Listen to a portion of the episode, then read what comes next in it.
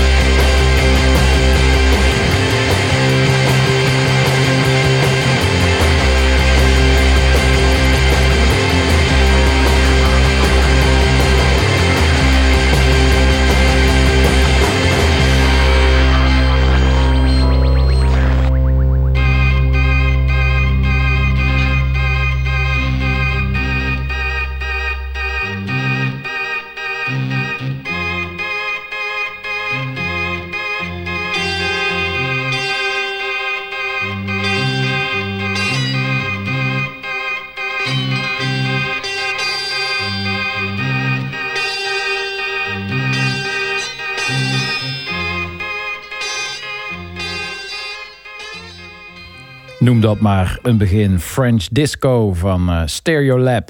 de opener van uh, St. Paul's Boutique. De tweede nieuwe stijl. Gewoon wel weer vanuit de Tivoli Vredenburg. Wat betekent dan nieuwe stijl? Wel, we gaan uh, elke editie uh, anderhalf uur lang plaatjes draaien, over praten.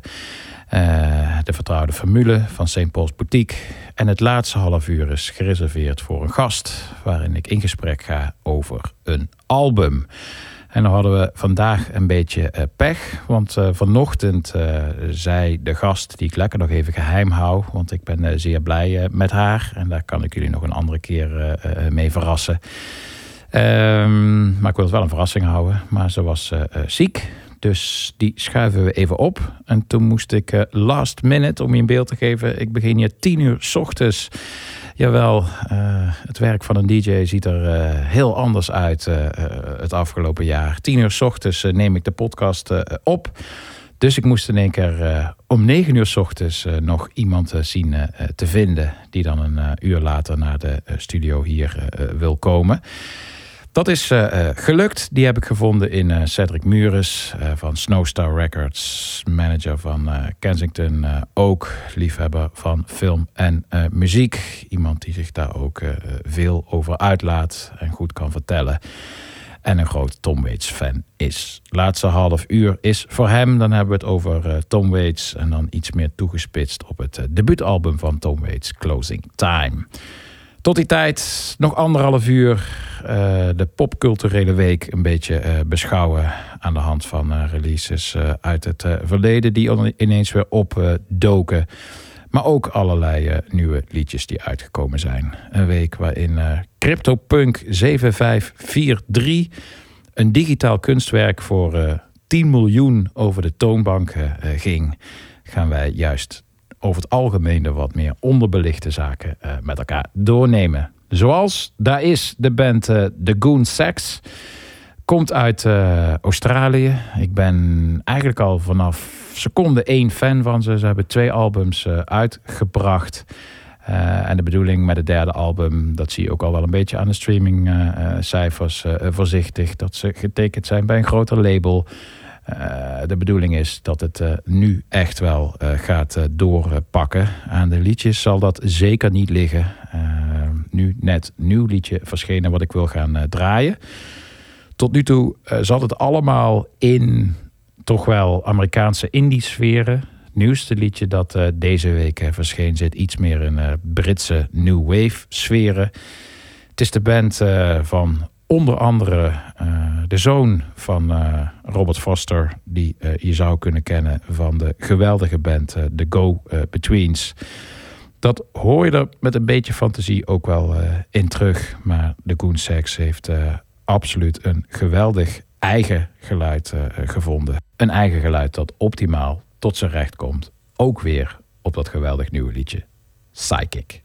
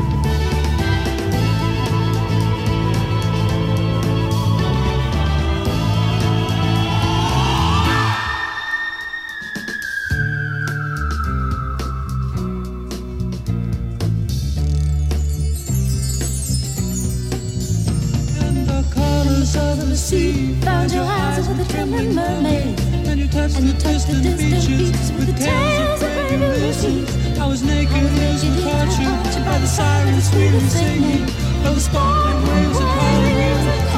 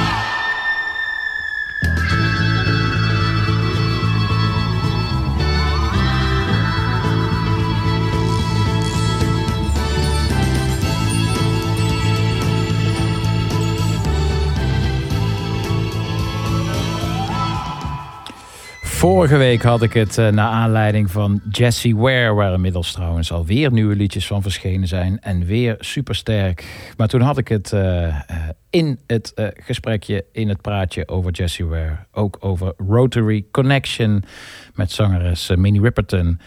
En dat deed mij thuis weer eens een en ander van ze opzetten. En toen sprong deze er voor mij uit als een track die ik al lang niet meer gehoord had. Uh, en ik wist ook al gelijk dat die in deze podcast uh, gedraaid zou gaan worden. Tales of Brave Ulysses. Ook een track die ik uh, geselecteerd heb voor Oerol. Oerol heeft dit, deze week weer het imagina imaginaire eiland. Iets waar ze vorig jaar mee begonnen zijn. Zoals zeer veel festivals het afgelopen jaar zijn er natuurlijk allerlei online varianten. Uh, had net pech dat ze buiten de uh, versoepelingen vielen. Dus ze hebben uh, weer ook dit jaar het imaginaire eiland uit de hoed getoverd. Allerlei mensen komen naar Terschelling en doen daar van alles. En dat is dan terug te kijken online deze hele week nog. ik heb voor het festival ook in de loop der jaren heel wat mogen doen. Van verschillende podia tot verschillende edities. Uh, altijd geweldig enthousiast publiek. En vorig jaar had ik misschien nog wel mijn meest uh, opmerkelijke boeking voor Oerol. Toen werd ik in een hoogwerker gezet, een DJ-boot op een hoogwerker. Die ging 25 meter de lucht in. Nou ben ik niet heel bang aangelegd, maar ik vond het toch best wel spannend. Want het wiebelde ook als een malle, want het waaide behoorlijk hard daar op het eiland. Uh, en dan je cool bewaren en een DJ-set draaien. Terwijl er uh, letterlijk uh, drones om je, om je, hoofd vliegen die aan het filmen zijn. volgens mij was er wat subsidie vrijgekomen. Waar, wat ze gebruikt hadden voor dit project. Ik vond het wel echt super stoer. Ik heb zelden in een dergelijke setting mogen draaien. Um, awkward was het ook wel een beetje. Helemaal uh, alleen terwijl de zon ondergaat. En uiteindelijk dus uh, in het donker. Uh, en als je dan de koptelefoon afzet, want je doet alles op koptelefoon, dan, ja, dan sta je in je eentje op 25 meter hoogte. Terwijl de wind door je oren suist. En je je ook weer even moederziel alleen voelt met, met drones om je heen. En snel weer de koptelefoon op. En terug in de bubbel, in uh, de imaginaire DJ-set bij de mensen thuis. Geen idee hoeveel mensen er naar keken. Maar het is wel echt een, uh, een, een boeking die ik zelden zal, uh, zal vergeten. En dat imaginaire eiland is dus, vindt dus dit keer, deze week weer plaats. Ik heb een, een playlist voor ze gemaakt. De bedoeling was een Oerol ochtend playlist samen te stellen. Dat heb ik gedaan moet je eerlijk zeggen dat ik hem nog nergens teruggezien heb. Ik heb ook niet echt uh, een terugkoppeling gehad verder wat ermee gaat uh, gebeuren. Volgens mij zou die nu ergens uh, te beluisteren moeten zijn. Wanneer dat zo is, dan zal ik het via mijn socials delen. Voor nu in ieder geval wou ik de Rotary Connection draaien. En een artiest die er ook op staat, maar dan met een ander nummer, Gabriels. Gabriels behoort tot een van de vele nieuwe soul-artiesten van de laatste jaren. Die echt helemaal de tijdsgeest weet eh, te vangen in zijn uh, uh, muziek. Soul is een genre van contemplatie en dat past helemaal bij de huidige verwarrende tijd. En samen met artiesten als Salt of het Big Crown label is Gabriels wel de artiest om, om in de gaten te houden. Op die playlist had ik het titelliedje van de EP e die verschenen is van Gabriels, Love and Hate in a Different Time. En hier wil ik even voor een uh, zwaar introvert soul moment gaan van diezelfde EP. Totaal kippenvel, zwaar origineel, crossover tussen soul en jazz. Maar helemaal met een uh, gevoel dat uh, klopt in het nu. Gabriels, check zeker een keer de hele EP Love and Hate in a Different Time. Voor nu het liedje Professional. Could it be being you? Two planets spinning round the moon, roses are red, these violets are blue.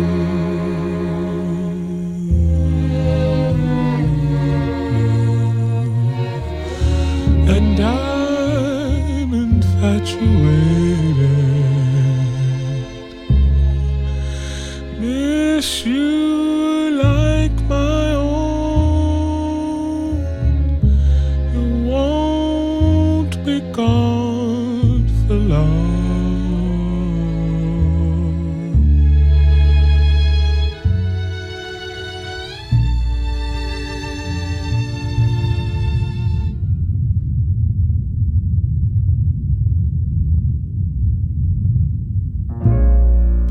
when Pluto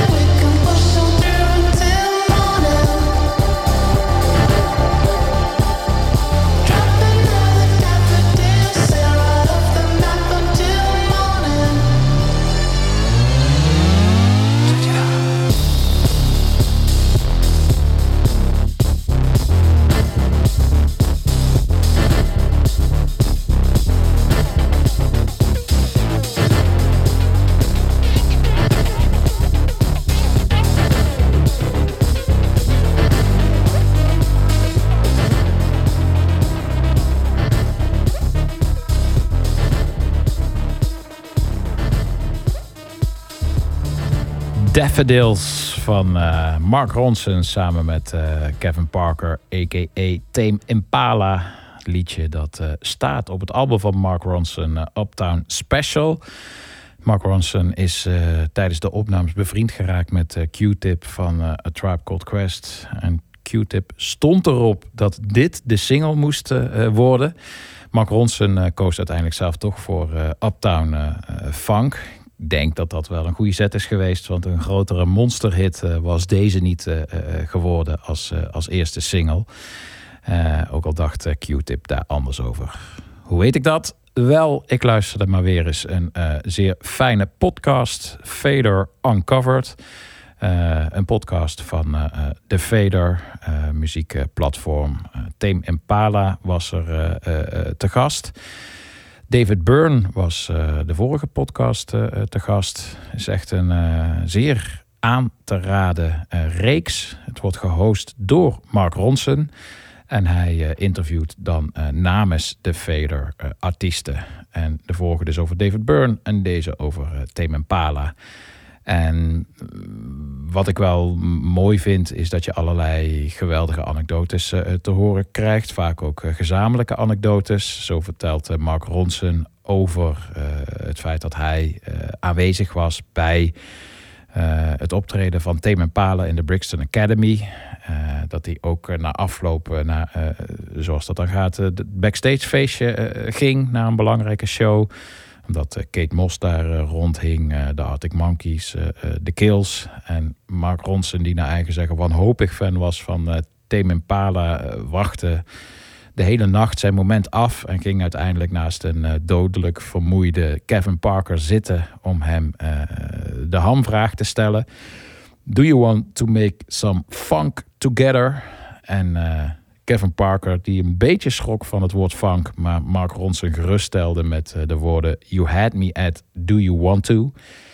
Artiesten die fan van elkaar zijn, het levert niet altijd de meest scherpe interviews op, maar je hoort wel dingen die een journalist niet naar boven haalt vanwege de uh, gedeelde herinneringen en uh, ervaringen.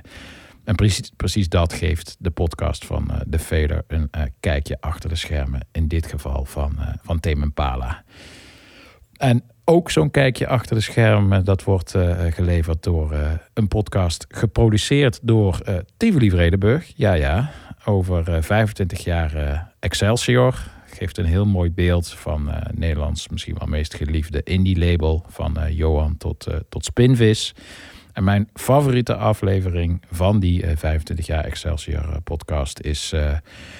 de eerste met oprichter, inspirator, oliemannetje of zoals hij het zelf noemt, vijfde wiel aan de wagen, Ferry uh, Rozenboom. Iemand die bewust niet veel op de voorgrond uh, streed, maar nu dan toch echt een uur lang uh, ondervraagd wordt over zijn werk voor de Avro-bode, waar het allemaal begon. Hij had op het kantoortje van de Avro-bode een eigen telefoonlijn en die zou de basis vormen voor uiteindelijk zijn eigen ja, leven als oliemannetje van, uh, van Excelsior Records. Daar werden uh, de eerste uh, contacten gelegd met de toekomstige bands waarmee hij samen zou, zou werken. De vroege avonturen met Daryl Ann, daar, komt, daar is heel veel aandacht voor in de podcast. dat de band het voorprogramma was van The Verve in Engeland. Hoe ze uiteindelijk waarschijnlijk met hulp van het Engelse label waar ze toen uh, voor uh, getekend waren, Virgin Heart Records, zouden ze ook op Pinkpop staan. Ze zouden het festival openen. Ferry vertelt ook dat hij op een gegeven moment zichzelf vond op het landgoed van Richard Branson van Virgin Records, biertjes drinkend maar niet flirten met, uh, met een Kate Moss-achtig uh, type. Want te verlegen en ook nog steeds uh, te veel fan. En dat is ook precies wat het label tot vandaag de dag onderscheidt. Geen grote gebaren, geen noodplan voor de Molukken, maar enkel liefde voor muziek. En een van die vroege bands naast Daryl N was ook Caesar, vroege Excelsior Recordings band. En daar wil ik graag mijn all-time misschien wel favorite jaren 90 gitaarliedje uit Nederland van gaan draaien. Hand op hart, het had niet meer staan op een Nirvana album. Ocean Sounds. Caesar van het album Clean En check een keer die 25 jaar Excelsior eh, podcast, geproduceerd door Tivoli.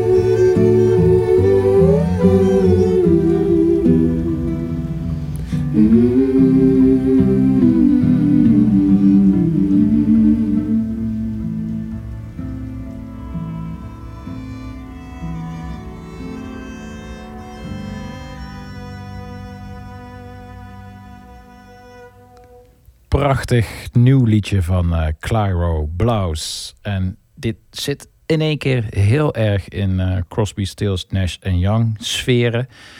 En dat is eh, voor een groot gedeelte te danken aan producer Jack Antonoff, die toch wel zijn golden days beleeft.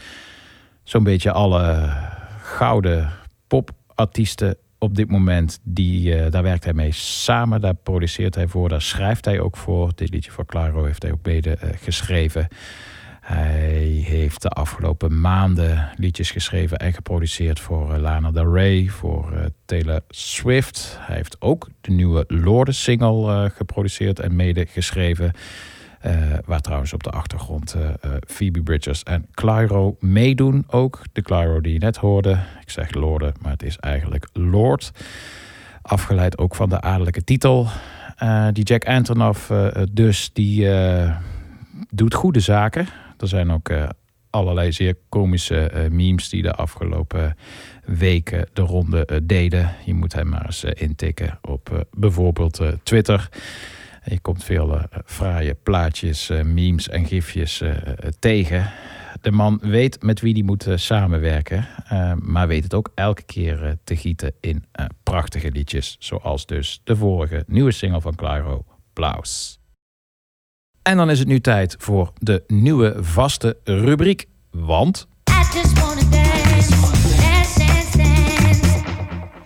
in die nieuwe rubriek eh, de vloervuller eh, eh, van de week. Het zal niet meer lang duren en dan mogen we weer dansen als voorpret. Iedere week een, een vloervuller, een favoriete vloervuller. En deze week is dat de Red Access remix van Museum of Love. Wellicht zal Museum of Love nog niet iedereen evenveel zeggen. Maar als ik je zeg dat het eh, de band is van de eh, drummer van eh, LCD Sound System, Pat Mahoney, dan zou het wellicht wel wat lampjes doen branden. Want ze maken toch al een tijdje sinds 2013, eerste liedje Down South, meteen al raak overigens, maken ze al muziek als Museum of Love. En een paar weken geleden verscheen de nieuwste track. En die nieuwste track, die eh, Marching Orders heet, die, die wil ik dus draaien. Maar dan wel in de Red Access remix.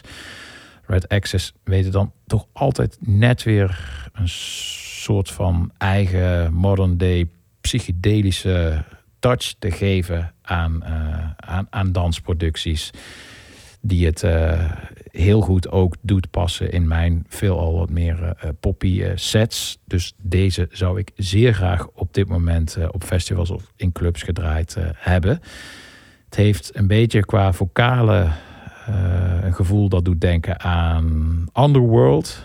Het heeft ergens ook wel een beetje een Manchester gevoel van oude nummers van bijvoorbeeld eh, Happy Mondays. Ehm, en het is zo'n nummer dat verschillende genres combineert. Ja, het is housey, zitten acid elementen eh, in, maar het heeft ook wel weer ergens een postpunk feel in de eh, vocalen. Het valt niet echt ergens eenduidig onder te brengen. En dat zijn precies de interessante tracks om te draaien. Dat kunnen de signature tunes worden voor een, eh, voor een DJ. Of hier nu in de podcast. Dus de vloervuller van eh, de week, die is eh, met recht, met een dikke pluim, met de borst vooruit, gaat hij naar eh, Marching Orders, de Red Access remix van Museum of Love.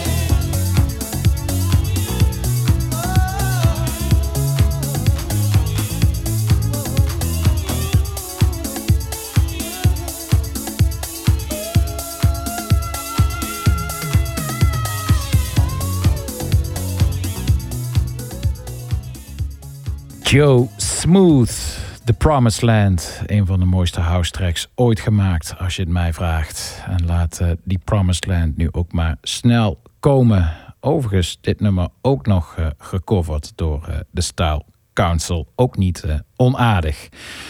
Iets totaal anders nu. Kon niet wachten totdat deze voorbij kwam, voordat ik deze kon laten horen. Het moment is nu daar. Voor Record Store Day afgelopen zaterdag kwam een eh, EP uit met eh, Utrechtse punk. Ik had hem netjes klaarstaan voor deze podcast. En toen kwam ineens een nog veel eh, exotischer schijfje voorbij. Een EP met verse Marokkaanse punk. Die het geloof eigenhandig terug in je leven rokt. Geen modieuze gemakspunk, geen concept, geen verhaal. Geen marketingplan van een groot label.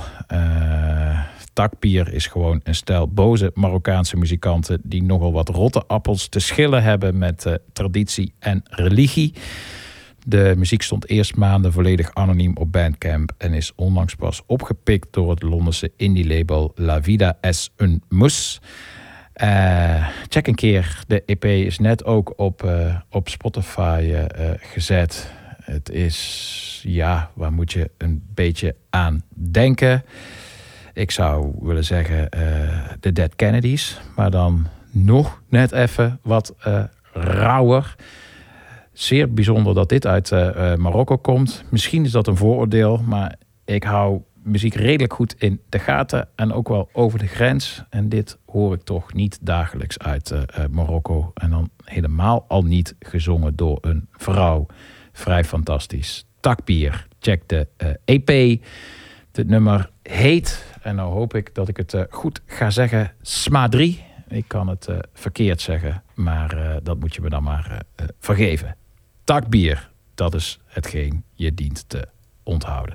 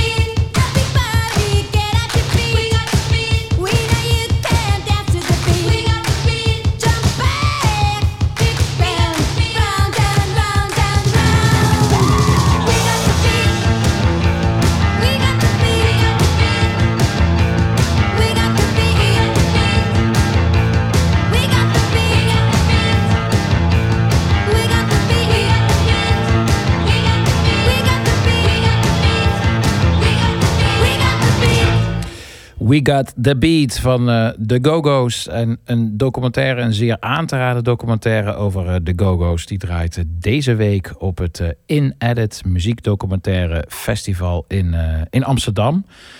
Dat is eh, sowieso een festival om eh, absoluut eh, te tippen. Een festival met alleen maar muziekdocumentaires. Zeer smaakvol eh, geselecteerd allemaal. Ik had het vorige week al heel even over de X-Ray Specs documentaire. Die was toen eh, in première gegaan op het Internationaal eh, Rotterdam Filmfestival. Hij draait ook eh, aanstaande zondag eh, in, eh, in de Melkweg. Als het eh, circus dat het In Edit Festival heet, eh, nog in Amsterdam eh, huist.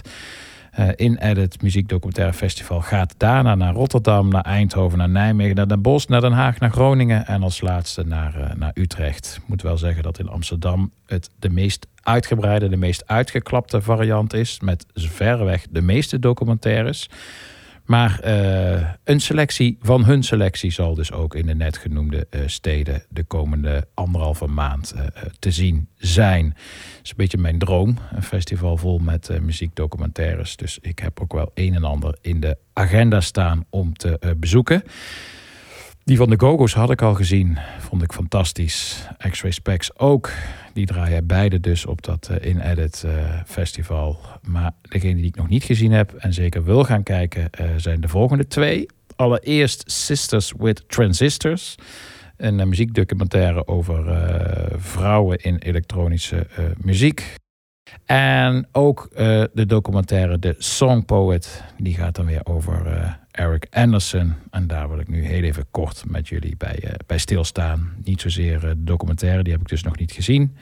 Maar wel de man en een mijn leven lang al lievelingsliedje van hem. Het is iemand die al een carrière van meer dan een halve eeuw erop heeft zitten.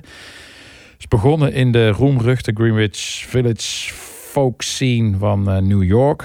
Maar liet zich daar toch vooral inspireren. Niet zozeer door de eh, folkartiesten, maar veel meer door de bluesartiesten. Die hij daar bijna dagelijks zag. Zoals bijvoorbeeld eh, Sunhouse, Lightning Hopkins en eh, Muddy Waters.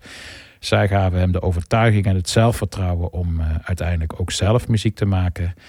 Hij schreef liedjes die eh, uitgevoerd zouden worden door eh, grootheden als Johnny Cash, Bob Dylan, Judy Collins, Linda Ronstadt en later ook nog The Grateful Dead. Maar eh, toch zou het voor hemzelf niet echt een, een glansrijke carrière betekenen. En dat had ook met heel veel pech te maken. En de grootste pech die hij had was dat eh, op zijn moment van eh, doorbreken hij net getekend was door eh, de manager ook van de Beatles, Brian Epstein. Er waren grote plannen met Eric Ander- Anderson. Maar vlak voordat die plannen ten uitvoer gebracht konden worden, toen, toen stierf Brian Epstein. En vanaf dat moment was het eigenlijk carrière technisch één grote afdaling. Hij zou wel nog steeds mooie liedjes blijven eh, schrijven, maar hij vond nooit echt een eh, groot platform voor zichzelf. Inmiddels woont hij al 16 jaar lang in, eh, in Nederland. En kun je ook op de site van dat In-Edit Festival een, een interview met hem lezen. Los van het feit dat het festival dus een documentaire over zijn leven en over zijn werk presenteert. Hier, nu, is het de aanleiding om een van mijn eh, all-time hartebrekers over de liefde te draaien. Eric Anderson met het prachtige Is It Really Love at All?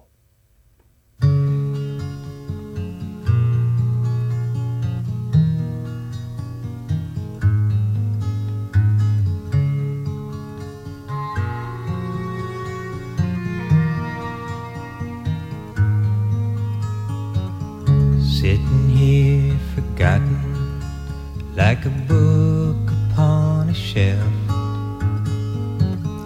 No one there to turn the page. You left to read yourself.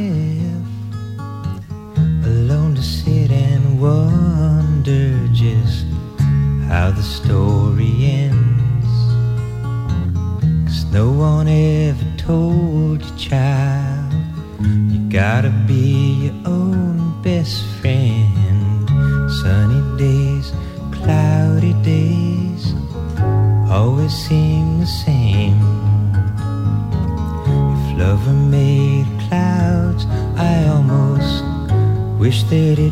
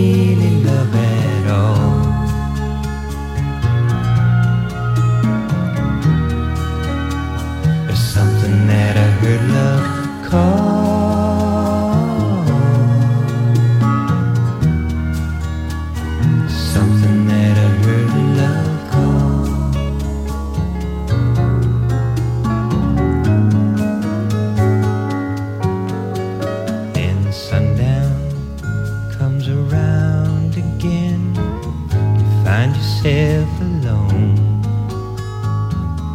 Wander through a sea of eyes, but always on your own.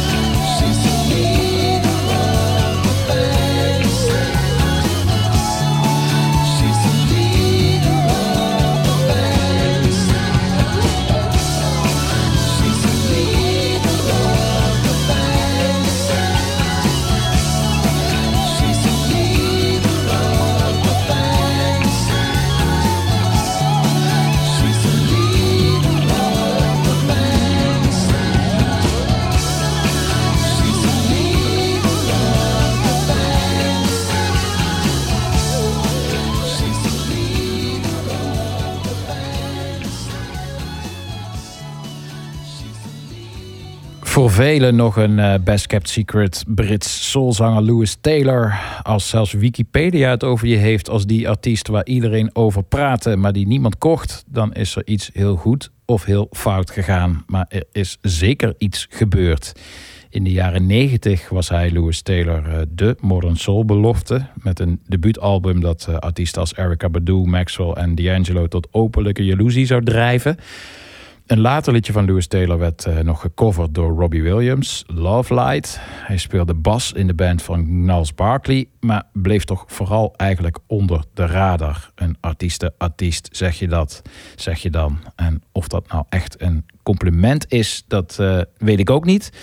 Maar Louis Taylor is absoluut eh, de verloren tip van eh, deze eh, boutique. Het liedje dat je net hoorde, Leader of the Band, dat komt van zijn Lost album, ook getiteld, getiteld Lost Album, dat in eh, 2004 alsnog uitkwam. Een liedje helemaal in de traditie van andere Blue Eyed Soul hoogvliegers als Steely Dan, Andrew Gold, Todd Rundgren en eh, onze eigen Benny Sings. Je hoort het er allemaal, eh, allemaal in terug. Iets minder Blue Eyed is eh, de hip-hop van Mac Hammy. Hij komt uit de Griselda-familie. de laatste jaren maken die eh, indie hip-hop op klassieke leest eh, gestoeld. Geen trap, veel samples, andere manier van rappen. Doet vaak ook aan Wu-Tang Clan denken. Hij zat in de eh, Griselda-familie, eh, maar hij zou ermee eh, breken. Ze kregen ruzie, zoals wel vaker bij hip-hop Cruise. En zoals ook wel vaker kwam het toch ook weer goed. Zo heeft hij nu weer met een aantal eh, Griselda-leden een, een album opgenomen. En zijn beste album tot nu toe, Pray for Haiti. Geweldige reis, ook weer door een dark soul kant van de eh, eh, popmuziek. Mooie samples, ook vaak mooie eh, blazertjes live ingespeeld, zoals op de volgende track die ik graag wil laten horen. Spannend album van begin tot eind. Pitchfork gaf het zelfs een 8,9. Dat gebeurt niet zo vaak meer met hip-hop albums. Check het een keer in zijn geheel. Van nu de track Stellar Ray Theory. Conductor. la vie a tombé, nous pas mouye La vie a tombé, nous pas mouye La vie a tombé. Never be pussy. He always come out, but some days he nowhere to be found. Know what I'm talking about? Made it through the fires, it was some drought. But the way that shit coming down, it's like the rain could never run out. Unlimited drops, like sneaker spots, got shoes for days. Y'all niggas is workers, shoe could really use the raise. Who became an entrepreneur from a jump seller, some fella, and I did it all under my umbrella. Taste porn like cats and dogs, unlimited riches. This some vicious with the dumb dishes catalog. Tell Gazi I'ma start my own empire, not news. I've been fired, do more than just inspire. I even do some drip on the wrist like Myers with the Illadelph hockey jersey. Ain't nobody flyer. I'ma keep catching souls till I expire. Been the goal since breakfast with the style. Uh, Within the shit hard when the rays don't shine. Niggas finna blame the clouds on the rain in the sky. Shit hard when the rays don't shine. Niggas finna blame the clouds on the rain in the sky. Shit hard when the rays don't shine. Niggas finna blame the clouds on the rain in the sky. Shit hard when the rays don't shine.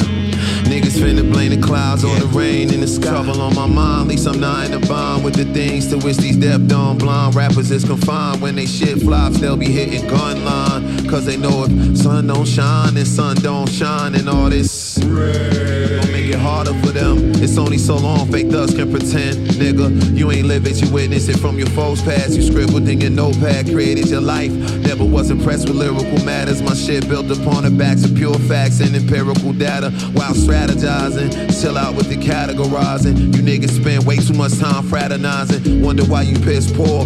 Niggas be on message boards, playing seeds of discord. Go get your front row seats for the greatest show on earth. Next 40 days and 40 nights, sure gon' hurt. Shit hard when the rays don't shine. Niggas finna blame the clouds on the rain in the sky. Shit hard when the rays don't shine. Niggas finna blame the clouds on the rain in the sky. Shit hard when the rays don't shine. Niggas finna blame the clouds on the rain in the sky. Shit hard when the rays don't shine. Niggas finna blame the clouds on the rain in the sky.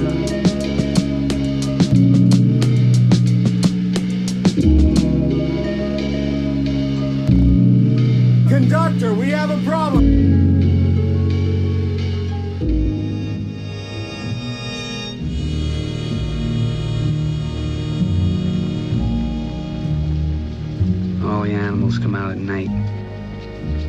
Whores, skunk pussies, buggers, queens, fairies, dopers, junkies. Sick, venal. Someday a real rain will come and wash all this scum off the streets.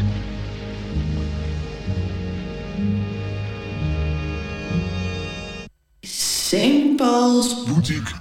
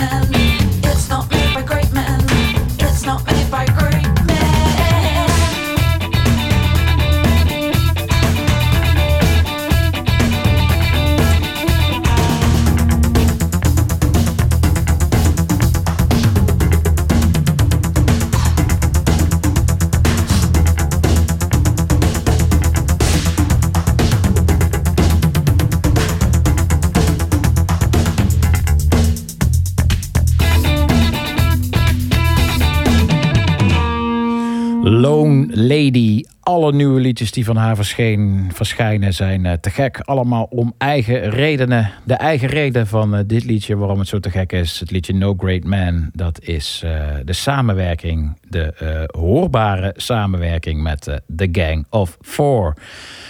Cedric eh, staat voor de deur. We gaan zo meteen praten over eh, Tom Waits. Nog één liedje, liedje van eh, Nick Drake, waarvan deze zomer een tentoonstelling loopt in Breda, Stedelijk Museum Breda. Ook online wordt er van alles verzameld over Nick Drake. Eigenlijk een zich evoluerende tentoon- tentoonstelling. Kijk er een keer naar, Stedelijk Breda. Nick Drake. Voor nu zijn liedje dat ik zelfs wel eens voor een dansvloer gedraaid heb als opmaat naar het gesprek met eh, Cedric over Tom Waits, Hazy Jane, Part 2, Nick Drake.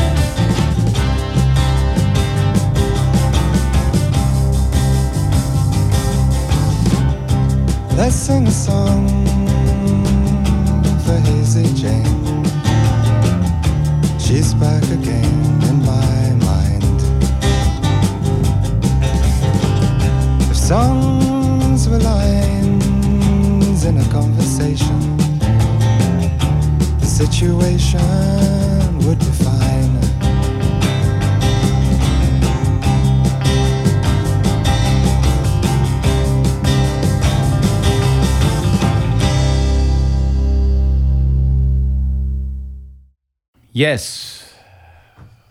Fijn, we zitten er klaar voor hier eh, in eh, de studio. Mijn tweede gast, eh, last minute opgetrommeld.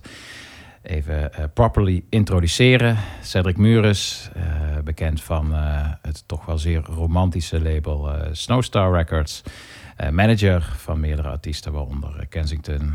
Ook zeer veel in, met film bedreven. En ik vind het eigenlijk wel mooi, eh, voordat ik jou erbij haal, om even het beeld te schetsen eh, vanwege eh, een zieke, dus op het laatste moment opgetrommeld. En dan, ja, dan bel ik jou. En dan zit je, zo stel ik me dat dan in ieder geval voor, maar dan mag je zelf even ontkrachten of bevestigen eh, met de eh, gordijnen eh, dicht. Eh, je bent meestal muziek aan het luisteren, aan FOMO aan het leiden of, of een film aan het kijken. en dit keer was je volgens mij eh screamings, screenings aan het kijken van Tribeca Film Festival online. eh, omdat je ook bij het Leiden Internationaal Filmfestival over de schouders meekijkt en adviseert. eh, toch? Ja, nee, dat klopt helemaal. Ik programmeer daar. Ja. En eh, nu is eh, Tribeca normaal gesproken een filmfestival in New York. Wat nu ook trouwens echt daar daadwerkelijk doorgaat. Maar ook nog eh, in een hybride vorm online is. Dus toen jij belde zat ik in de laatste een derde van een hele cringy Britse comedy. Niet echt comedy. En dat kijk je dan omdat het eventueel dan aan te raden is om dat naar Leiden te halen? Of... Ja, ja precies precies. dat. En? Wat was de verdict? Of mag je dat dan natuurlijk nog niet zeggen? Ja, ik, kan- ik heb geen titel genoemd. Ik mag Nee, wel, dat is eh, waar, dat is zeggen, waar. Ik, eh, ik, ik denk dat deze het goed zou doen op het lift. Oké, oké. Nou, en daar heb ik je dus eh, vandaan eh, getrokken. Ja, letterlijk. Ja. En dan, eh, ja, echt deze ochtend nog, eh, ja, ook maar een beetje licht, met lichte dwang eh, een, een keuze opgelegd. Omdat ik eh, ja, jou inmiddels ook ja, redelijk goed ken. Jij noemt mij DJ Zwemvriend. We, gaan, we gingen jarenlang elke week met elkaar zwemmen. En de staat van vooral de vaderlandse popcultuur met elkaar doornemen. Ehm, en ik weet dus ook van jou dat ja, een aantal dingen in jouw leven eh, eh, eh, terugkomen. naast films en de muziek van je eigen label waar je heel hard voor maakt. En de bands die je managt. gaat het regelmatig over Japanse muziek. En het gaat ook regelmatig over Tom Waits. En ja, dat leek mij toch dan een geweldige aanleiding om met jou de debuutplaat van Tom Waits te bespreken. Ja, well played. Yes. Want daar kwam ik wel voor. Ja, precies. Ja, je zei ook, eh, you had me at eh, Tom Waits. Dus dat is heel fijn. Ehm, ik zou in eerste instantie willen zeggen, eh, vertel waarom hij en dan in eerste instantie met name dat album zoveel indruk op je, op je gemaakt heeft. En dan haak ik op een gegeven moment wel, wel in met mijn beschouwingen, ervaringen en eventueel soms ook wat andere, eh, ja, andere gekleurde meningen. Maar daar komen we wel op. Ja, ik ben benieuwd. Ja, het is echt hij hoor. Ehm, ik zou niet één album kunnen kiezen. Ik ben echt, eh, ik zou het liefst, en dat zou me ook lukken, makkelijk elke dag naar Tom Waits luisteren. Eh, en ik vind juist ook zo vet aan hem en zijn werk dat er zoveel verschillende kanten aan zitten. Hij heeft echt wel in zijn muzikale carrière zichzelf een keer of drie opnieuw uitgevonden. En eh, dit eerste album is dan nog ja, toch best wel folky. Hoewel hij wel probeert een beetje een, een, een, dark jazzy kant op te duwen. Maar het is toch wel een folkalbum volgens mij. En ja, de, de, de, de verhalen die hij schetst en die rondom hem heen, die hij ook rondom zichzelf heen schetst. eh, ik hou er allemaal wel van. En eh, ook zijn stem is behoorlijk veranderd. Hier is hij nog wat, eh, wat, wat clean en wat jong. En die is eh, ja, gruiziger en eh, hoekiger en schuurpapierder geworden door de jaren. En sommige mensen haten het en ik hou er heel erg van. Ik ben eigenlijk opgevoed ook een beetje in, in die eerste vibe. Want ik werkte vroeger in Sounds Venlo, de beste plaatszaak van Nederland. Hey. En toen die van die twee verschillende winkels naar de parade verhuisde, toen kwam ik achterin erbij bij Henny en Herman. Voor de mensen die daar wel eens geweest zijn, een begrip. Ja. En Herman had echt een, eh, een enorme hekel aan Tom Waits. Dus al- als iemand dat dan opzette en eh, ja, wij stonden een beetje met z'n drie op een eilandje, ja, dan ging hij dat volledig eh, op, op, eh, ja, op platenzaak medewerkerachtige manier met de grond gelijk maken. En ik denk eigenlijk dat dat mijn eerste kennismakingen zijn geweest met Tom Waits. Dus toen mocht ik het echt niet tof, eh, tof vinden. Maar ja, ik... eh, ja, het is wel mijn nummer één. Ja. Al- al- altijd. En is dit, want dan maar gelijk ook eh, een gekleurde mening van mij daarin. Je, je Mhm. zegt het al gelijk goed dat het, dat het zijn stem is veel gruiziger geworden. Zijn muziek ook. Ik denk dat in op het eerste album is, is, is een eh, excentrieke eh, karakter is nog enigszins beteugeld ook door de, door de vorm. De vorm ook wel van het, van het label waarop hij, eh, waarop hij opnam. En toch een beetje in die vroeg jaren zeventig Asylum folk sferen. Ehm, maar het werd, ja, het werd steeds, ja, eh, steeds verhalender sowieso ook. Steeds, eh, steeds excentrieker. Eh, zijn stem veranderde ook. En ik, ik moet je zeggen dat ik... ik vind juist het wat meer klassieke van het, van het eerste album... vind ik juist heel erg mooi. En dat is ook wat, wat ik ook trouwens door een platenzaak als eerste te horen heb gekregen. De Waagals in Nijmegen. De beste platenzaak van... eh, nee. Van Nijmegen. ja. Ehm, daar was voor mij ook die... eh, maar ik ben iets minder, ik ben iets minder meegegroeid met hem in zijn hele carrière. En, en mij valt juist op, en ik weet niet waar jij dan, dan staat... dat waar ik het klassieke gehalte van, het, van de openingsplaten waar we het nu over hebben... de eerste plaat, het debuutalbum, waar mij dat juist heel erg aanspreekt...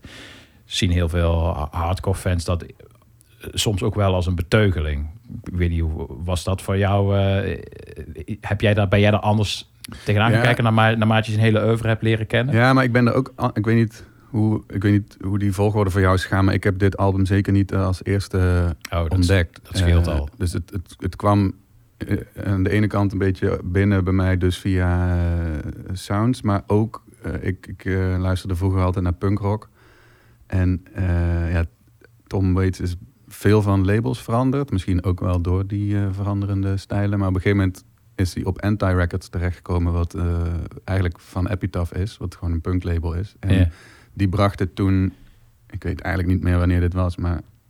In ieder geval toen er nog heel veel cd's verkocht werden... en dus nog heel veel verzamel-cd's gemaakt werden. Maar die brachten zo'n compilatie uit Punkorama.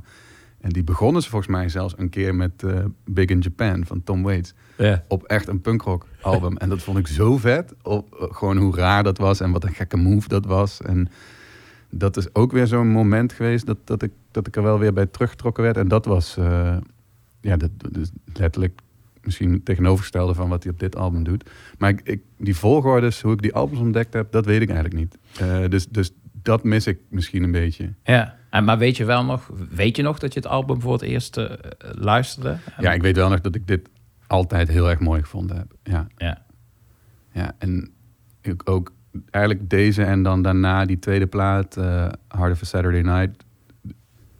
Ik, die horen dan voor mij een beetje bij elkaar of zo. En ja, deze eindigt met, het album heet Closing Time. Het laatste nummer heet Closing Time. En eh, dat is misschien het meest jazzy nummer van de plaat. En dan het eerste nummer van Hard of Saturday Night begint met die debiele drum eh fill. En dan gaat hij zo heel jazzy door. Ik- Ja, ik vind het heel mooi. Ja, ja, ik- vind daarin hoor je ook heel erg het tijd speelt. Eh, ik eindigde net als laatste liedje van het eerste gedeelte van de podcast eh, met, eh, met Nick Drake, eh Brighter Lighter. ja, alles eigenlijk 1970, 71, 72, 73, die, die blend van, van stijlen. dat singer-songwriter gevoel, het folky, maar ook jazz en, en, en soul en nachtclub elementen in de muziek. Die cocktail vind ik zo prachtig. Ja. En dat is ook all over, eh, over dit, eh, dit album. Ja, en hij trekt het dan nog verder en dat gaat alleen maar door dan de jaren daarna. En eh, het verhaal gaat dat hij, hij, ging een soundtrack maken voor Coppola. En daar heeft hij zijn vrouw ontmoet, Kate, Kathleen. En het verhaal is dat toen die voor het eerst bij hem thuis was en door zijn platencollectie ging, dacht, eh, wat ben jij voor saai zak? Je luistert alleen maar, eh, ja, alleen maar hele saaie muziek. En dat zij hem met allemaal eh, wat weirdere dingen in contact heeft laten komen. En dat dat wel zijn output heeft beïnvloed. En sindsdien credit hij haar ook altijd. Dus alle nummers die Tom Waits heeft uitgebracht sinds hij met Kathleen samen is, zijn ook ja, officieel het auteursrecht delen ze. Ja. Dus zo'n invloed heeft zij erop. En eh, ja, ik- eh, ja, wat is jouw lievelingsalbum van hem dan? Dit? Ja, voor mij is het dit album. Ja. Ja, ik denk dus, maar het verandert echt heel vaak, omdat het gewoon, het, is, het ligt echt aan je mood welke Tom Waits je het mooist kan vinden. Maar ik vind dat op Mule Variations wel echt heel erg vet samenkomt allemaal. Ja. En, eh, ja, soort, ja, ik denk dat dat... Oké, nu is dat dan misschien mijn eh, lievelingsalbum. Ja, die vind ik ook prachtig. Maar ik denk dat ik wat meer moet uitleggen. eh, En dan komen we misschien eh, gelijk ook tegenover elkaar te staan. Want dat is ook wel, ook wel, ook wel weer mooi. Staan we al, eh, letterlijk. In ja, deze studio. Zeker. Ja, ik, ik- dat, en vergeef me dit woord, maar op een gegeven moment het, het bijna cabareteske van de muziek ook. Dat, en het half gorgelende eh, zingen. dat is iets waar ik op een gegeven moment merkte ik steeds meer. Het leidde mij meer en meer eh, af. Terwijl, en dat is dan eigenlijk, moet ik dat als vraag stellen.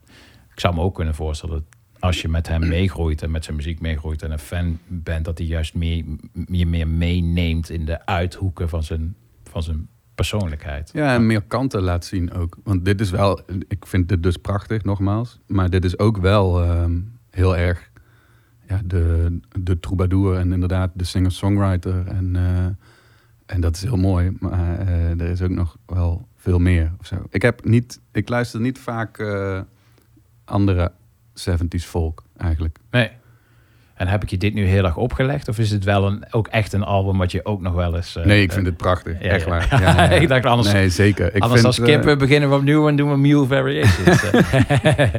Nee, nee, nee, nee, geen enkel. eh, nee, er staat volgens mij niet één nummer op. Er staan wel wat mindere nummers op, maar er staat geen enkel slecht nummer op. nee, ja. En zelfs er staat dat Ice Cream Man, dat is misschien dan al een beetje richting eh, wat hij later meer en meer is gaan doen. Ja. En, eh, ja, ik vind het vet dat die, de folkie hier nog is die juist een beetje die jazzy kant op wil. Die, eh, en dat, het, volgens mij zijn het allemaal liedjes die eh, die, die eerst op eh, piano of gitaar in zijn eentje heeft gezongen, ook optredende. En daar dan wat instrumentatie voor de studio bijgehaald. En die, ik vind die contrabas en die trompet die er af en toe bij zit ook echt het mooist. ja, En dan aan de andere kant zitten er soms van die strijkers in.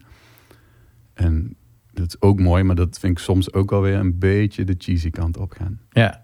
ja ik, ik vind dat dan toch juist ook wel heel erg mooi dat je daar... Ik kan me voorstellen als, als, als muzikant dat dat iets is waar je van nature je misschien ook voor zou behoren te schamen. Maar ik vind dat juist wel mooi. Dat je ook voor dat zwaar... Er zit een soort zware romantiek in. Ja, Of ja, dat- maar, ja dat is hij sowieso. Ja. Ja. ook die soundtrack, dat was One From The Heart. Ja, het wordt niet, eh, het wordt niet cheesier op de best mogelijke manier dan dat. Nee, en, en soundtracks trouwens, dat is wel goed dat je daar ook even aan refereert. Je refereerde er net ook al even aan. aan zijn, zijn, hij heeft natuurlijk ook heel veel eh, ja, rollen gespeeld in, in, in films. En ook, ook niet de slechtste. En jij ja, bent in je, een van je vele levens dus ook eh, zeer actief op dat eh, vlak. Hoe, hoe kijk je daar tegenaan? Is hij, eh, is hij ja, eh, ja, ben je ook iemand die dan ook gulzig zijn, zijn filmcarrière volgt? Ja, absoluut. Ja? Ja, maar ik vind hem ook echt een goed acteur. Het is echt. ik heb soms het idee dat hij heel erg gewoon zichzelf aan het zijn is in die films. En ja, de laatste. nou, jeetje. Zo- Sowieso al meer dan een eh, decade eh, is hij meer films aan het maken dan muziek aan het maken. Ja. En eh, ja, die eh, Netflix Coen Brothers eh, korte verhalen western, daar zat hij echt fantastisch in. En, eh, Old Man with the Gun vond ik hem echt te gek. Eh, maar ja, eh, ook ouder. eh, Dracula. ja, precies. Ik zat ook aan die rol te denken. Ja, ik hoop dat hij daar niet zichzelf is. Nee. Pretty weird. Eh, zeker. Maar ja, ik vind dat heel tof. En het past er ook heel bij. Want eh, hij is, hier, hij is altijd eh, eh, verhalen aan het vertellen geweest. En hij is altijd ook wel een soort personage van zichzelf aan het maken geweest. En ja, dat is met deze plaat volgens mij niet anders. Volgens mij heeft die invloeden komen een beetje uit die oude jazz, maar ook die beat poets tijd. En ja, volgens mij had hij die auto die hij had, omdat dat er mooi uitzag op de foto's. En volgens mij woonde die in dat hotel in LA, omdat dat goed klonk in de bio en eh, enzovoort enzovoort. Hij was echt wel bezig met imago en op een hele goede manier, want hij schetst gewoon die ja, een beetje eh, alcoholistische zwerver-muzikant. die die eh, dan ook ging zijn. Maar ja, dit album, hij was 24 toen het uitkwam. Dus Ja. misschien was hij wel 23 toen hij het opgenomen heeft... en 22 toen hij de liedjes schreef. Dat is echt belachelijk. Ja. Zo klinkt het echt niet. Nee, ja, ongelooflijk. Maar dit, hier zeg je wel iets interessants. Want ik denk dat dat voor mij is waardoor ik... eh, ik chargeer, want ik heb ook heel veel albums van eh, Tom Waits. Eh, maar ik heb ook heel veel albums bijvoorbeeld van Bob Dylan. Maar ik zal mezelf nooit, zeker niet tegenover een echte Bob Dylan fan... zal ik me zeker geen fan noemen. En het zit er volgens mij in het gegeven dat ik het heel mooi vind... maar dat soms juist dat creëren van een personage... wat eh, Bob Dylan doet en wat Tom Waits ook wel doet... ook al heeft het, eh, haakt het aan op je eigen karakter... maar het zijn wel degelijk ook, eh, ook personages. Dat, dat zet het voor mij soms ook een beetje op een, op een afstand. Ja. Ja, dus je bedoelt dat die teksten, daar haal je niet misschien, eh, dat is niet heel direct persoonlijk, maar meer eh, schetsen en verhalen. En, eh, Ja, precies. En Ja. dat is wat je zoekt in muziek natuurlijk. Maar een favoriete Morrissey quote is eh Morrissey van de Smiths. eh, it says nothing. ja, ik zeg het maar even. Kunnen ook nog samen een leuke eh, aflevering over maken. Ja, graag.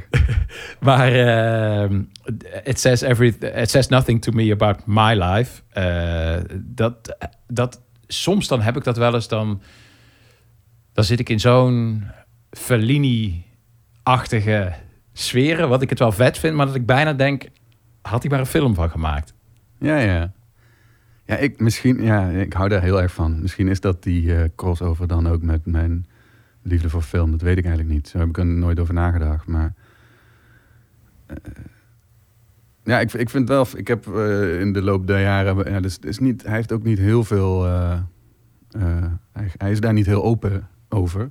Maar er zijn wel wat boeken en, eh, en verhalen natuurlijk. En ik vind het ook wel heel erg leuk om er dan soms later achter te komen dat een tekst toch op een specifiek ding uit zijn leven slaat en zo. Maar ik vind het ook niet erg om dat niet te weten en het gewoon een mooi Ja. verhaaltje te vinden of een mooi liedje. Ja. Ja, en het ook aan je eigen verbeelding eh, Ja, over te wat ik, wel, wat ik wel vind dat hij hier al meteen op zijn eerste plaat heel goed doet en alleen nog maar beter in is geworden, is dat zo'n liedje wel echt meteen een beeld schetst. En inderdaad een filmscène misschien wel. Ja. ook. Ja. Heb je hem überhaupt wel eens live gezien? Of Nee, dat is mijn ontmoet, grootste, eh, eh, hoe noem je dat? Euvel, spijt. Nee, schrikkelijk. Ik, iedereen die mij kent weet ook hoe groot Tom Waits fan ik ben. En ik heb natuurlijk best wel veel mensen in mijn omgeving die hem wel eh, hebben live gezien. En die kunnen mij daar goed eh, ziek jaloers mee maken. Ben je wel eens heel dichtbij geweest dat je, eh, weet ik veel, Ja, kaartjes voor iets had? Nou ja, ik weet nog dat die shows in Carré deed. En die waren echt heel duur voor toen. Ja. En ik weet ook echt nog dat ik toen dacht, ja, dit doe ik nog wel een keer of zo. En ja, daarna is hij natuurlijk nooit meer hier geweest. En niet vanuit de angst wat je ook nog wel eens wil hebben, dat, dat je held eh, tegen gaat vallen. Het is zoals echt eh, Nee. zo banaal als te duur en het komt nog wel een keer. Ja, dat was het toen. Is ook echt lang geleden hoor. Ja. Het- ja, maar hij, hij heeft al zo lang... eh, Volgens mij vindt hij het helemaal niet leuk om te toeren. eh, of om, om nog live op te treden. Volgens mij vindt hij het wel... Hij schijnt al jaren met een nieuwe plaat bezig te zijn. Maar de laatste keer dat hij echt live heeft gespeeld... Het is alleen nog maar eh, op een soort benefiet ding voor een, eh, een school... die hij en zijn vrouw eh, opgericht hebben en supporten. En dan... Dat is zelfs volgens mij 2013 of zo geweest. Dat is echt Ja. verschrikkelijk. Ja, Dus ik, ik heb me er ook een soort van bij neergelegd dat ik hem waarschijnlijk nooit zal zien. Maar als hij morgen een show aankondigt in Chicago, dan ga ik. Eh, dat zegt wellicht ook wat over eh, de portemonnee toen en nu. Dat het wat makkelijker is om je dat, eh, dat te Ja, veroorloven. zo bedoelde ik het niet. Maar Nee. nee, ja, ik ben wel. Ik, ik, was, ik ben een paar keer in LA geweest. Ja. En volgens mij letterlijk de eerste keer dat ik daar kwam, ging ik wel echt fanboy. een paar van die locaties bezoeken. Dus toen ben ik wel naar, op Sunset Boulevard naar de studio waar deze plaat is opgenomen gewandeld. En naar de Troubadour natuurlijk, waar hij al die liedjes speelde en eh, uitsmijter was. En sta je dan tussen allemaal bedevaartgangers? Of? Nee, die Sunset eh, Studio, dat was echt super droevig. Ik was daar sowieso nog nooit geweest in LA toen. En eh, ik liep gewoon Sunset Boulevard af, wat helemaal geen straf is. Maar ja, hoe dichter je in de buurt bij die studio komt, hoe, crackier het er allemaal uit gaat zien. En op- ik weet echt niet meer dat adres, maar ik weet wel nog dat ik daar ja, letterlijk tussen de tentjes van eh, daklozen eh, stond om naar een gebouw te kijken waar deze plaats opgenomen. Toen dacht ik wel, ja, wat de fuck ben je nou aan het doen? maar ik kon het ook alweer goed praten voor mezelf. Maar het zag, ja, dat was, dat, daar was weinig romantisch aan. Nee, Ja. ja. En de Troubadour bestaat natuurlijk nog steeds als venue. Dus daar, ik ging daar gewoon langs. Maar toen was er een of andere punkshow. Daar ben ik verder... Ja, ik heb even staan kijken. En Nee. dat was het. doet me een beetje denken aan. eh, het, het is anno eh, 2021 heel erg uncool om te zeggen. Maar ik was eh, als kind heel erg onder de indruk van eh, de Joshua Tree van, van U2. En mijn eerste tienervakantie alleen met een, met een vriendje. Was ik denk ik, ja, wat zal het zijn? 17. Gingen we naar Ierland en waren we in Dublin.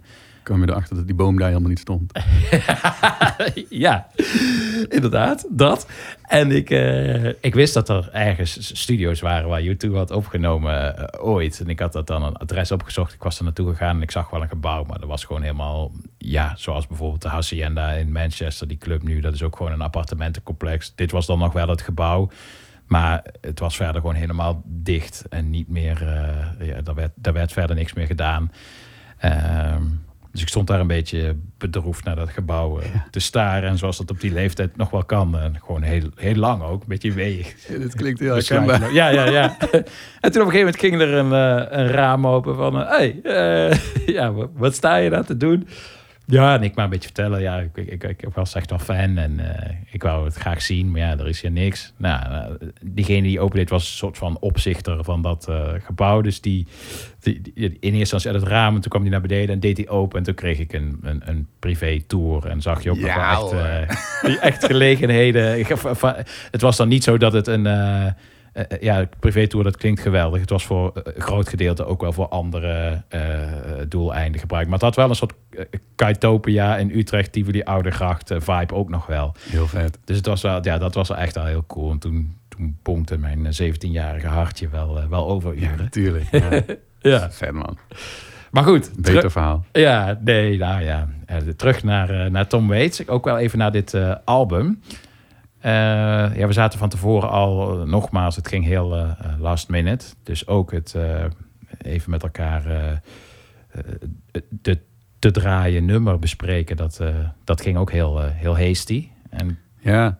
ja, ik denk dus dat ik het mooiste liedje het titelnummer vind. Maar dat, daar zingt hij helemaal niet op. Dus dat vond ik een rare keuze. Maar ik wilde het wel noemen, omdat het super mooi is. Dus iedereen moet het gewoon zelf even gaan luisteren. ja, Dit is volgens mij ook, want ze hebben die plaat dus echt in een dikke week opgenomen. Dat is ook echt belachelijk. Ja. Maar hij speelde die liedjes waarschijnlijk wel al heel lang. Maar dat laatste nummer, Closing Time, is het enige nummer dat ze eh, tegelijkertijd in één ruimte spelend opgenomen hebben. En de rest is allemaal eh, instrument voor instrument of, of eh, Tom zelf en dan de rest erbij. Wat denk ik ook een van de redenen is dat hij op nou, misschien wel negen van de twaalf nummers aftelt. Wat eigenlijk heel irritant is. ja, ja, ja. One, two.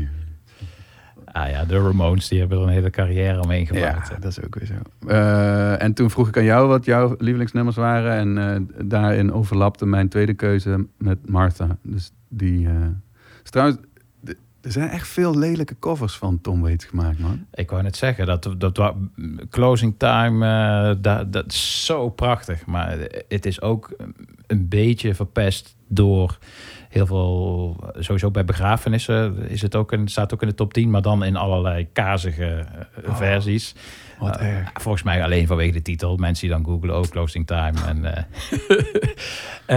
eh, en, en dat klopt. Maar ook wel heel veel mooie. Zoals bijvoorbeeld Martha, die we nu dan gaan draaien. Tim Buckley bijvoorbeeld. Een hele mooie versie van, van Martha gemaakt.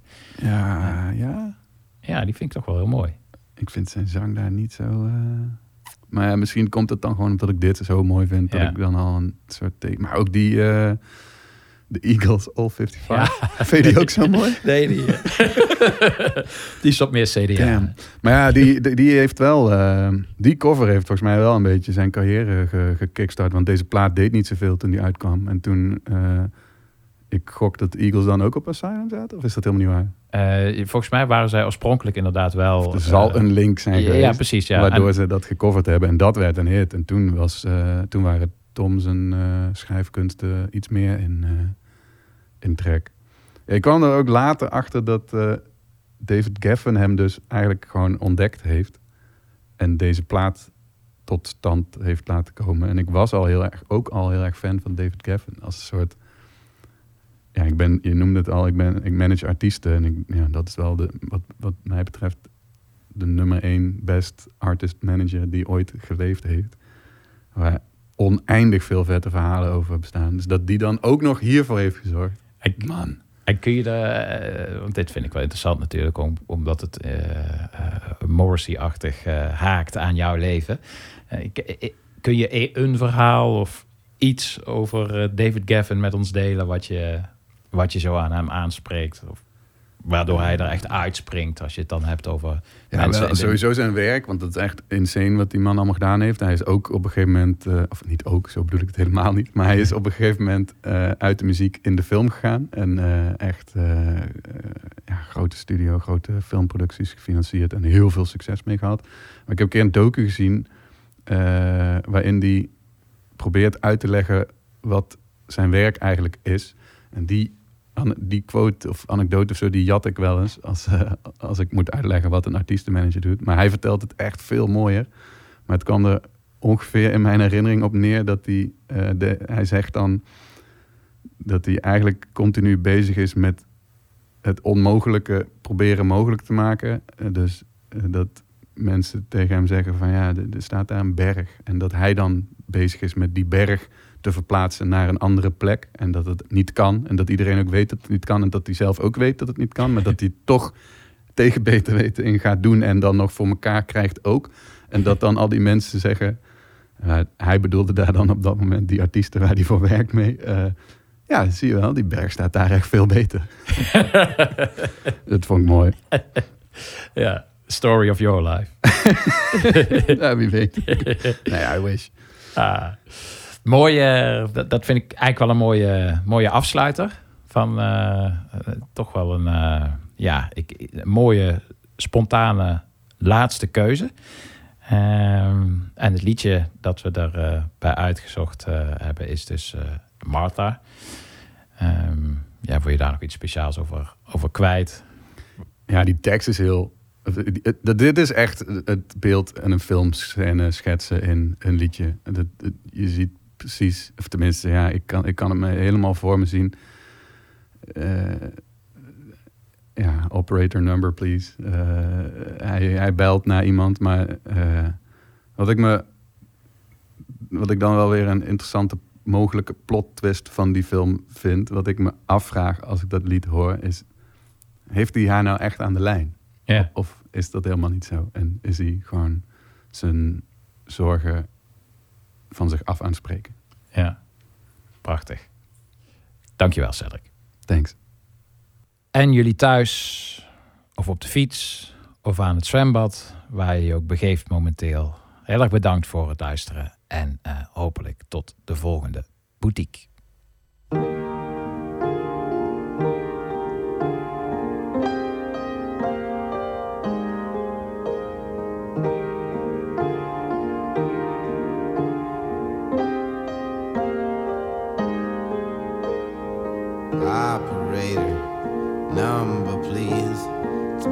So many years.